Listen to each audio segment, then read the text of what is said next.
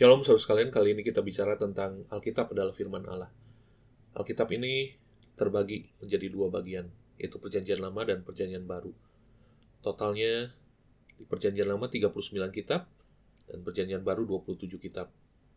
Jadi keseluruhannya 66 kitab. Ditulis kurang lebih oleh 40 penulis dengan latar belakang berbeda. Mereka berbeda latar belakang, latar belakang pendidikan, latar belakang sosial, dan sebagainya. Misalnya, Musa, seorang pangeran yang ahli tata negara, ahli militer, atau Esra, seorang ahli kitab. Yeremia, seorang keturunan imam. Amos, seorang peternak. Matius, perjanjian baru, seorang pemungut cukai. Lukas, seorang tabib. Yohanes dan Petrus, penjala ikan. Paulus, seorang ahli Taurat atau Farisi. Walaupun mereka berbeda latar belakang dan berbeda zaman, tetapi apa yang mereka tulis tidak ada yang bertentangan satu dengan yang lain. Malah sinkron. Ada satu benang merah yang menyatakan karya keselamatan Allah. Dan itu luar biasanya. Mengapa? Karena ada satu oknum, yaitu Allah Roh Kudus, yang menginspirasikan, mewahyukan. Alkitab diinspirasikan secara dinamis, artinya tidak didiktekan satu kata per satu kata kepada para penulis, tetapi mereka menulis pengalaman mereka, kesaksian mereka, pengetahuan mereka, pemahaman mereka, dan di dalam pimpinan Roh Kudus, sehingga apa yang mereka tuliskan itu tidak mungkin ada salah. Kalau ada kesalahan, mungkin dari penyalinan atau penterjemahan, tetapi Alkitab aslinya tidak ada kesalahan. Dan ketika kita berbicara tentang Alkitab, maka itu erat kaitannya dengan pewahyuan. Pewahyuan atau penyataan ini memiliki arti yaitu sesuatu yang dibukakan atau disingkapkan, tadinya tersembunyi sehingga dapat dilihat atau dikenali. Nah, lewat Alkitab ini kita mengenal Tuhan, mengetahui siapa Tuhan. Dan Alkitab ini adalah salah satu wahyu khusus yang diberikan oleh Allah kepada umatnya. Wahyu khusus yang lain adalah dirinya sendiri. Kristus Yesus datang ke dalam dunia. Dan lewat wahyu khusus yaitu firman Tuhan dan juga Kristus Yesus, kita bisa mengenal keselamatan. Berbeda dengan satu wahyu yang lain yaitu wahyu umum. Wahyu umum itu ciptaan alam semesta ini dan juga nurani tidak membawa kita kepada keselamatan, hanya mengetahui ada Allah. Misalnya ketika kita di laut atau di gunung, wah, kita terkagum. Siapa yang bisa menciptakan ini?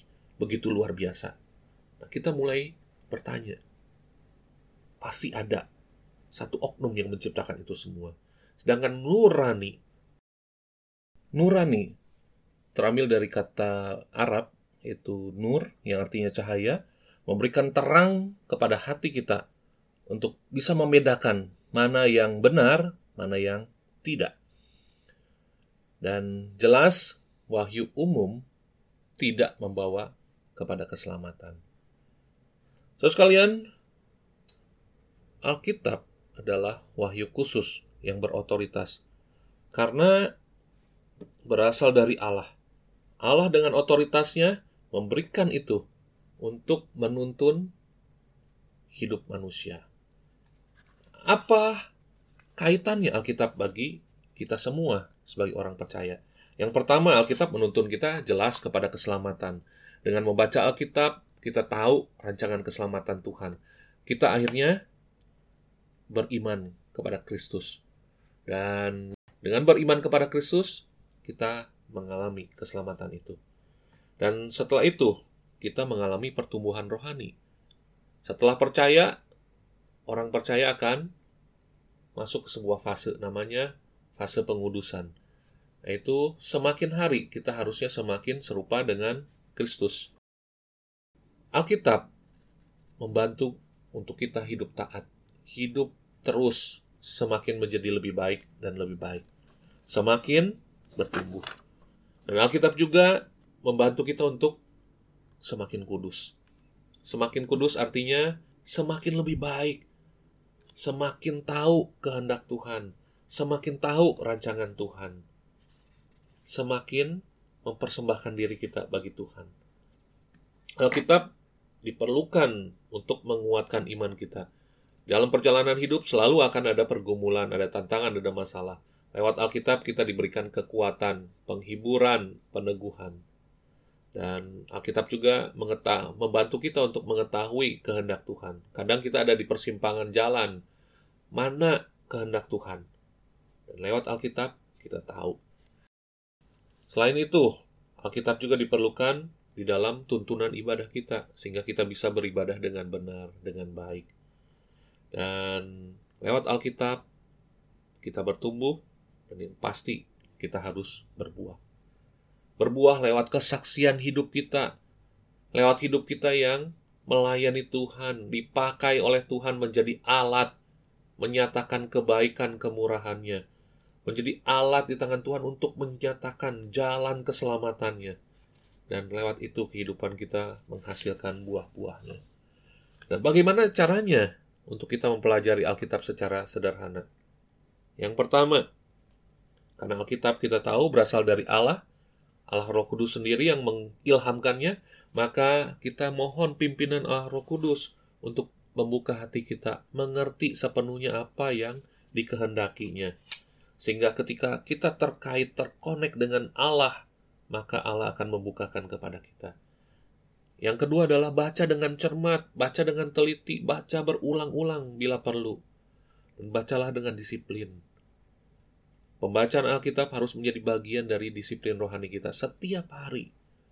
Kita dituntun oleh Gema membaca satu pasal satu hari sehingga bisa selesai dalam tiga tahun. Kalau kita bisa baca tiga pasal dalam satu hari, kita bisa selesai membaca satu Alkitab dalam satu tahun.